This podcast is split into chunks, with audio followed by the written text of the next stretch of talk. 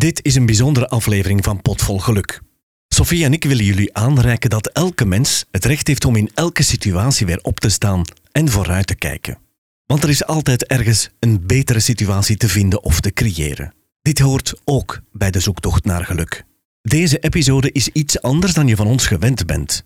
Daarom willen we de gevoelige luisteraar waarschuwen voor heftige verklaringen.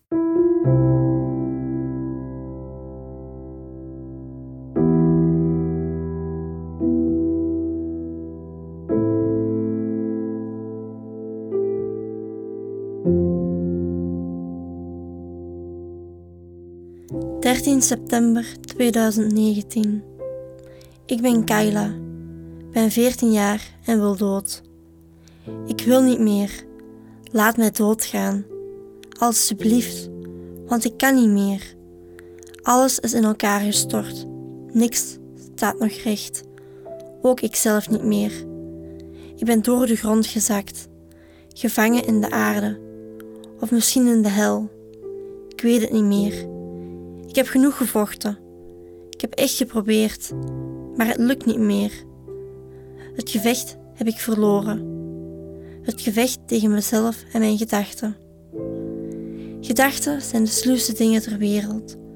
Ze sluipen ongevraagd mijn hoofd binnen, bijna zoals een slang die geruisloos haar prooi benadert. Ik hoor ze niet aankomen, maar dan, dan slaat de serpent toe ze zet haar tanden vast in mijn hoofd en laat gif achter. Gif dat zich langzaam verspreidt.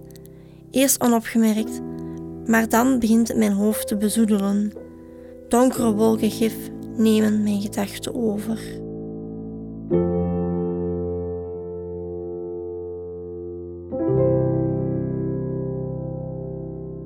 Welkom Kayla in onze studio. Hallo. Ja, ik ben er even stil van. Jij hebt uh, zo net het begin van jouw boek voorgelezen, waarmee je iets onder de aandacht wil brengen. Want jij hebt al een, uh, een ferme rugzak uh, die je meedraagt van jongs af aan. Misschien eens even vertellen wat jouw levensverhaal is. Ik ben eigenlijk als kind heel veel in het ziekenhuis beland door allerlei medische zaken. En dan eigenlijk door dat iedereen uiteindelijk mijn medische zaken op de voorgrond zette, is mijn mentale toestand een beetje opzij geschoven geweest. Daardoor is ze allemaal kunnen opborrelen en kunnen nestelen in mij, waardoor dat, dat nu eigenlijk heel moeilijk is om daar nog vanaf te stappen. Mhm.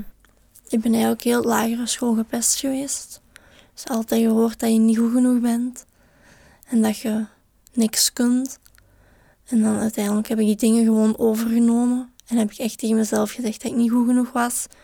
En dat ik niks kan. En dat ik het niet waard was. En dan uiteindelijk, als je er dan iets van zegt, dan zeggen ze dat gaat wel over. Vooral over dat pesten. Ik ben daar nooit eigenlijk echt in gehoord geweest. Tot het zesde leerjaar. Dan had ik een heel goede leerkracht die dat er wel naar luisterde.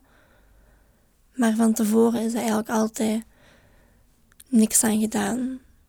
En dan zei ze, ja, dat gaat wel over. Laat me over u heen komen. En dat was dan ook vooral omdat ik heel veel niet op school was. Omdat ik in het ziekenhuis lag. En ik kon daar echt niks aan doen. Mhm. Maar dan op een duur voelde het wel alsof ik er alles aan kon doen. Je voelde je schuldig? Heel schuldig. Ja, dat is ook eigen aan de mens, hè. Ergens bij horen, bij de groep mogen zijn en jij had dat gevoel dus niet? Nee. Nee, bij niemand? Ik had mijn beste vriendin. En die ken ik dus ook al heel mijn leven. En dat is, dat is ja, iemand, als ik het echt moeilijk heb, kan ik dat wel bij terecht. Maar ik wil die daar ook niet mee belasten. Want dan denk ik, oei, wie weet gaat die afhaken. Omdat het niet zo'n bespreekbaar iets is. Heb ik altijd schrik als ik dat tegen iemand over vertel, dat die gaan afhaken als vriend, als vriendin. Dus dan heb ik niet zoveel vrienden momenteel. Omdat ik ook heel bang ben om die, als ik dan een vriendschap heb, dat die toch terug gaan weggaan. Maar je zegt belasten alsof je voelt dat het een last ook is voor anderen. Ja, ik vind dat ik zelf een heel grote last ben voor iedereen. En dat ik het eigenlijk niet waard ben dat mensen dat moeten meemaken met mij. Ik dacht echt dat ik het probleem was, als persoon, volledig. Hoe dat ik eruit zag, hoe dat ik was, mijn karaktereigenschappen. Alles was het probleem.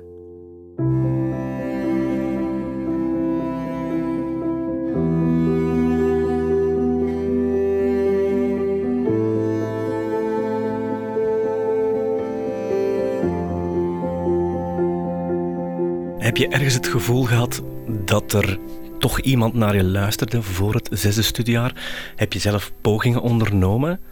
Ik heb alles tegen mijn ouders verteld, maar die konden zelf niet veel doen. Eh, ik ben daar vaak mee naar de leerkracht gegaan. Maar dan altijd als ik iets terugdeed, is duwde of zo, dan werd ik op een straf gezet. Dus dan op mijn duur laat je het gewoon allemaal doen. Wat hadden die leerkrachten beter kunnen doen volgens jou? Luisteren. Ik denk dat iedereen wel een beetje in de schoolgemeenschap beter kan luisteren. Want dat gebeurt nog veel te veel, dat mensen gepest worden. En dat is echt niet oké. Dat haalt iemand naar beneden. En als pester denk ik niet dat je de gevolgen snapt wat dat heeft op een persoon. Had jij in het middelbaar ook al last van die stickers die je meedroeg, waarover je schrijft in jouw boek? Ja, toch wel. Als je bijvoorbeeld een diagnose krijgt, bijvoorbeeld ik heb HSP, hoogsensitiviteitspersoonlijkheid, dan wordt dat op u geplakt en dat gaat er niet meer af. Dat is met secondenlijm. Dat, dat blijft op u en iedereen ziet dat, want dat is aan uw buitenkant. Dus iedereen ziet dat jij dat hebt. Je kunt dat gewoon niet meer verbergen. En zo blijven er maar bijkomen en bijkomen en bijkomen. Totdat je uiteindelijk alleen maar de stickers zei en niet meer je eigen persoon. En toch zie ik nu voor mij een, een knappe jonge dame die volgens mij uit de put is geklommen. Waar was voor jou het keerpunt? Het keerpunt is eigenlijk gekomen na een heel zware periode. Dat ik een heel zware poging heb gedaan. Een zelfmoordpoging. Waar ik heel lang heb moeten revalideren. En dat ik dan dacht, dit wil ik ook niet. Ik denk dat het allemaal begint met dat je eerste keer die gedachte krijgt. Dan schuif je dat opzij. Dan denk je, wat denk ik nu? Dat klopt toch niet? Ik moet dat gewoon wegsteken. En dan komt hij nog een keer. En nog een keer. En op een duur denk je van, oei, maar ik heb hier zo vaak, maar ik mag daar tegen niemand iets van zeggen. Want ja, wat gaan die dan doen? Gaan die mij opsluiten? Gaan die andere dingen doen of zo? En dan ben ik er eigenlijk een paar jaar mee blijven zitten. En dat is eigenlijk inderdaad een vulkaan die in u begint op te borrelen. Dat duurt ook een tijdje tegen dat die ontploft. En dan is die ontploft. Zo erg is het nagebleven. En toch heb ik het gevoel dat jij iemand, of beter gezegd iets had, waar tegen jij jouw verhaal kwijt kon. Ten eerste mijn katten. Dat klinkt heel raar, maar ik praatte gewoon tegen mijn katten. En mama.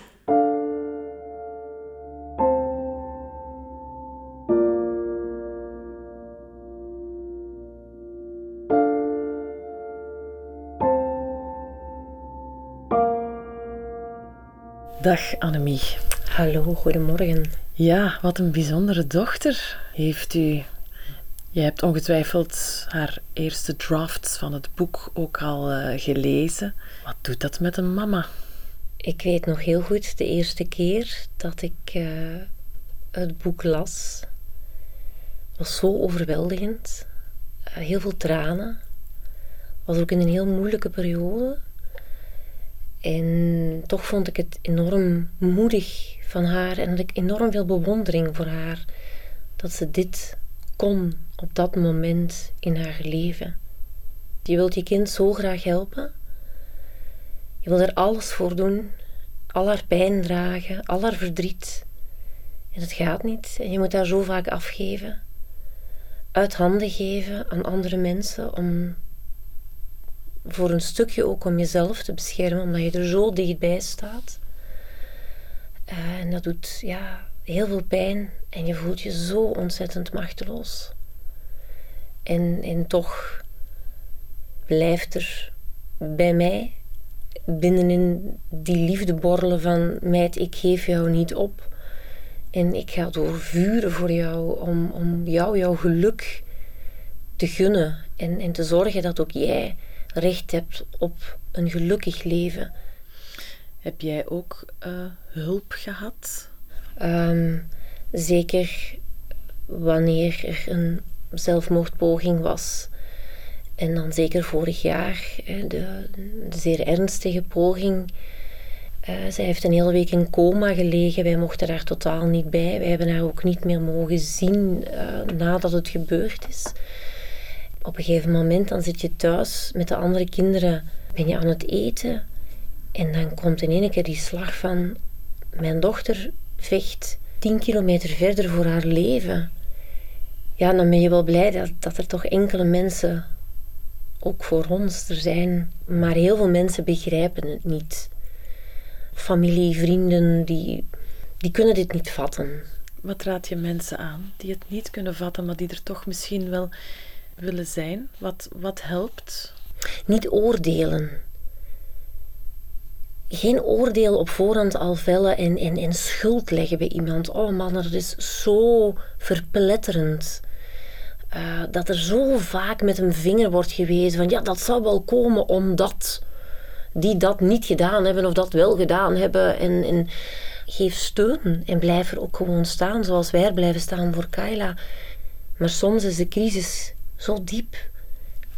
Dan is al die goed bedoelde raad daar sta je nergens mee dan. In een crisis thuis ook, dan, dan, oh, dan, dan roept ze, tiert ze, dan, dan wil ze dat ik wegga. En ik weet dan wat, dat dat haar bedoeling is. Want dan, dan weet ik ook van... En dan blijf ik tot grote ergernis van haar, blijf ik dan bij haar staan en laat ik haar niet alleen.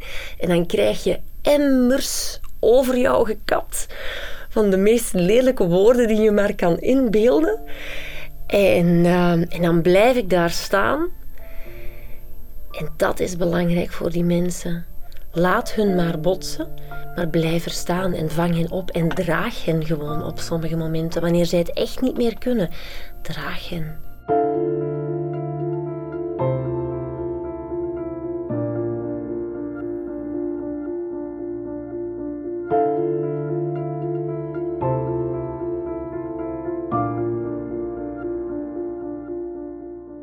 Kan je ons vertellen wat jou heeft rechtgehouden in al die moeilijke tijden?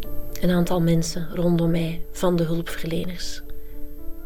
Die waren bereikbaar, dag en nacht op sommige momenten. En die luisteren gewoon. Die gaan niet veroordelen. Het is de band die we ondertussen hebben opgebouwd, die geeft je ook het, vertrouwen om te zeggen van oké, laat het er maar eens uitkomen. En, zeg het maar eens tegen de hulpverleners. Als mama ben je soms in paniek en, en weet je echt niet hoe dat je iets moet aanpakken en daar geven zij wel raad in.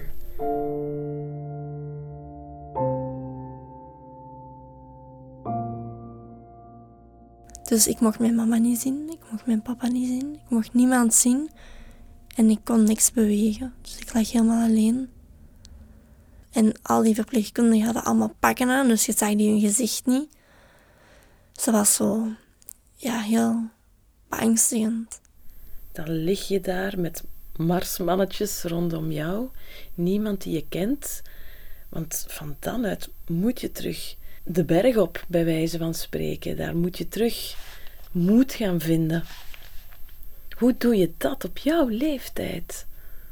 Eén woord, gewoon mensen. Mensen die van u houden. Dan meer gaan zien dat er mensen zijn die van u houden en niet van die houdt niet van mij. Maar meer kijken naar, al die mensen houden wel van mij. Dat gaf mij ergens moed om verder te gaan. En dan wist ik dat ik eigenlijk niet alleen stond. Dat er toch nog andere mensen rondom mij waren. Ik heb dan uh, langere opnames aanvaard in vrijwillige hulp terug, want dat was van tevoren niet. En echt beginnen werken aan mezelf. En als ik het moeilijk had en ik deed mezelf pijn of zo, daarna terug de draad oppikken en niet blijven zitten, maar terug recht staan en verder gaan. Dat is maar een moment. Kan jij ons zeggen wat jij gedaan hebt, werkelijk gedaan hebt om daaruit te klimmen? Heel veel geschreven. Ik deed alles, alles schreef ik op. En al werden dat kei lelijke teksten, ik had het toch maar opgeschreven en het was niet meer in mij, het was op mijn papier. En als ik het zo lelijk vond, dan scheurde ik mijn papier en dan, ja, dan was die gevoel was dat ook even weg, omdat dat op dat papier stond en niet meer in mij.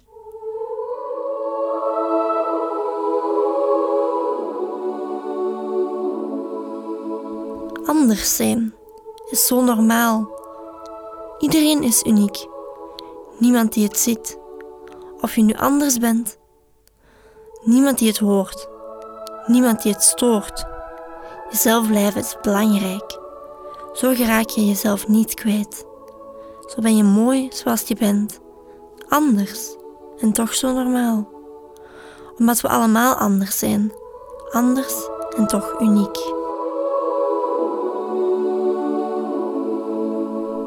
Ik ben ontzettend fier. Maar ik ben ook bang. Uh, ze is nu echt in een behandelopname gestart waar dat er toch wel enkele hele zware dingen gaan moeten besproken worden, waar dat ze doorheen gaat moeten. En met alles wat er in het verleden gebeurd is, ben ik dan heel bang van dat het zich terug zou herhalen. En Kyla is ook iemand die heel veel nood heeft aan standvastigheid. Dus heel dit nieuwe gegeven zorgt voor heel veel spanning bij haar. En dan zie je haar weer volledig uit haar evenwicht gehaald worden.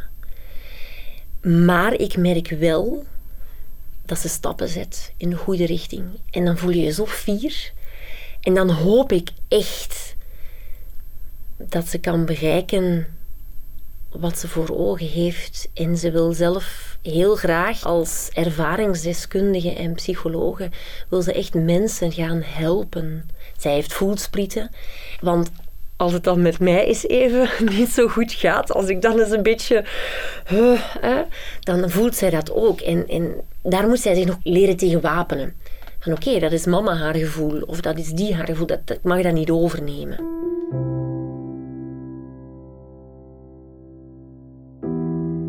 Ik denk dat ik wel, ja, ik kan wel redelijk goed met mensen omgaan als ik ze ken. Ik kan wel luisteren anderen. En ja, schrijven is natuurlijk iets wat ik wel denk dat ik heb. Ik heb soms een beetje humor. Maar ik hoop vooral dat ik een andere mens optimistisch ben. Ik heb heel hard het gevoel dat er heel veel mensen zijn die zich niet gehoord voelen van mijn leeftijd. En door een boek uit te brengen waar dat eigenlijk gaat over de moeilijke dingen in het leven, met tips in om het beter te maken, hoop ik dat die mensen zich gehoord gaan voelen. En ten tweede ook proberen om er zelf iets aan te doen. En dat ze echt weten dat ze er mogen zijn. En dat hoop ik vooral te bereiken. Dat mensen zich gehoord voelen. Maar ook vooral de mensen die het echt moeilijk hebben. En die zich in herkennen. Die weten van het is oké om hulp te zoeken. Ik heb dat ook gedaan. Dat is echt oké.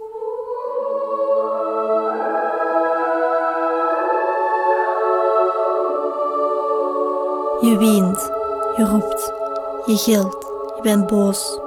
Zo boos op jezelf. Je ziet iemand komen. Mama? Ze pakt je vast, knuffelt je zo hard dat daar in je mondhoek een kleine lach ontstaat.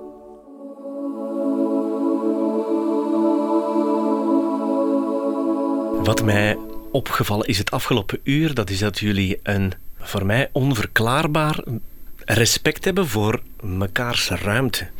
Als de ene aan het woord is, dan is de andere stoïcijn stil, bij manier van spreken. Hoe hebben jullie dat zo ver kunnen brengen? Ik denk gewoon dat wij een goede band hebben. En dat het dan vanzelf komt. Kayla weet dat ik soms heel verdrietig ben en weet dat ik soms ook boos ben op haar. En, en we benoemen dat ook. En zij zegt ook gewoon tegen mij van mama, dat doe jij verkeerd in mijn hulpverlening. En, en zij durft ook zeggen, ik heb nu een mama nodig, ik heb geen hulpverlening nodig. En ik heb ook geleerd om te luisteren naar haar. Om haar gewoon te laten zeggen van ik wil nu dood. Het gaat nu niet meer voor mij. Oké, dat respecteer ik op zo'n moment. En ik ga dan niet, oh ja, maar dit en ja, maar dat. Nee, nu heb jij dat gevoel. En dat gevoel mag er nu zijn. Maar daarom gaan we dat nog niet doen. Hoe ziet voor jullie de toekomst van het boek eruit? Wat zijn de volgende stappen die jullie voor ogen zien? Het uh, verbeteren en het volledig klaarmaken om dan hopelijk binnen een half jaar, als dat lukt in mijn ogen, is uh, naar de eerste uitgeverijen te kunnen gaan. En mijn droom is altijd om naar de boekenbeurs te mogen gaan en daar en de Gouden Uil, is dat zo? De Gouden Uil. Veel dromen.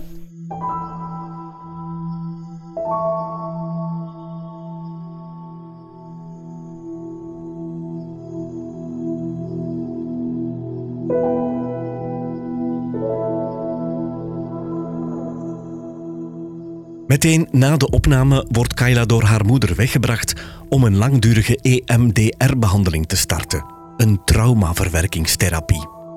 Vier maanden later bellen we Kayla tijdens een gezellig familiemoment om te polsen naar haar persoonlijke evolutie en dat van haar boek. Hallo met Kayla. Dag Kayla, goedenavond. Hoe gaat het met jou vandaag? Um, ik heb mij anderhalve maand geen pijn meer gedaan. En dat is al echt een heel grote vooruitgang, want ik kwam van elke dag meermaals. En dat ik ook gewoon de normalere manieren, zoals eens gaan joggen of eens gaan wandelen, kan toepassen en niet direct in destructief gedrag moet gaan. Ik had toen wel een visie van wat wou ik, maar nu heb ik echt ook de moed en de, de drive gevonden om naar die visie toe te werken. Je klinkt heel strijdvaardig, moet ik zeggen. Ja, zo voel ik me ook. Ik voel mij zoals ik in mijn boek ook zeg, ik voel mij nu goed met mindere momenten. En nimmer slecht met betere momenten.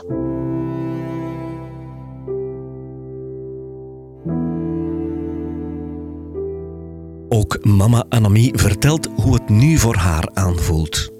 Ja, ik, wij kunnen nu wel zeggen dat er eigenlijk een heel goede ontwikkeling is, Luc. Um, wij, zijn, uh, wij zijn op het punt dat ze voor zichzelf echt zegt van kijk, mijn doodswens is echt weg en ik, ik, ik wil het leven terug grijpen met mijn twee handen. En oké, het gaat soms met ups en downs.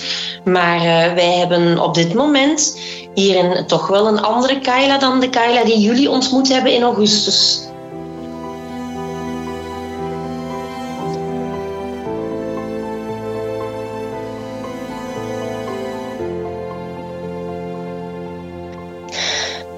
Dus uh, het boek is nog in de laatste fase van het verbeteren en het Nederlandstalige correctheid. En dan gaan wij tegen december ongeveer een. Het gaat het eerste versie af zijn en dan gaan wij volop een uitgeverij zoeken. En dan hoop ik eigenlijk stiekem dat tegen Pasen het in de rekken ligt. Uh, wij duimen voor jou, Kayla. Ja. Geniet nog van het feestje daar, hè? Dankjewel. Dag, Kayla. Dag. Dag.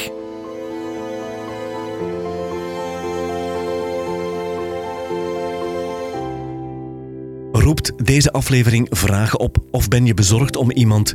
Bij de zelfmoordlijn 1813 staat er iemand voor je klaar. Elk gesprek is anoniem en gratis. Heb jij ook zo'n verhaal of ken je iemand met een unieke vechtersmentaliteit? Laat het ons weten via potvolgeluk.be. Vond je de aflevering goed? Vertel het dan door aan anderen, zodat nieuwe luisteraars ook hun portie geluk door deze inspiratie kunnen vergroten.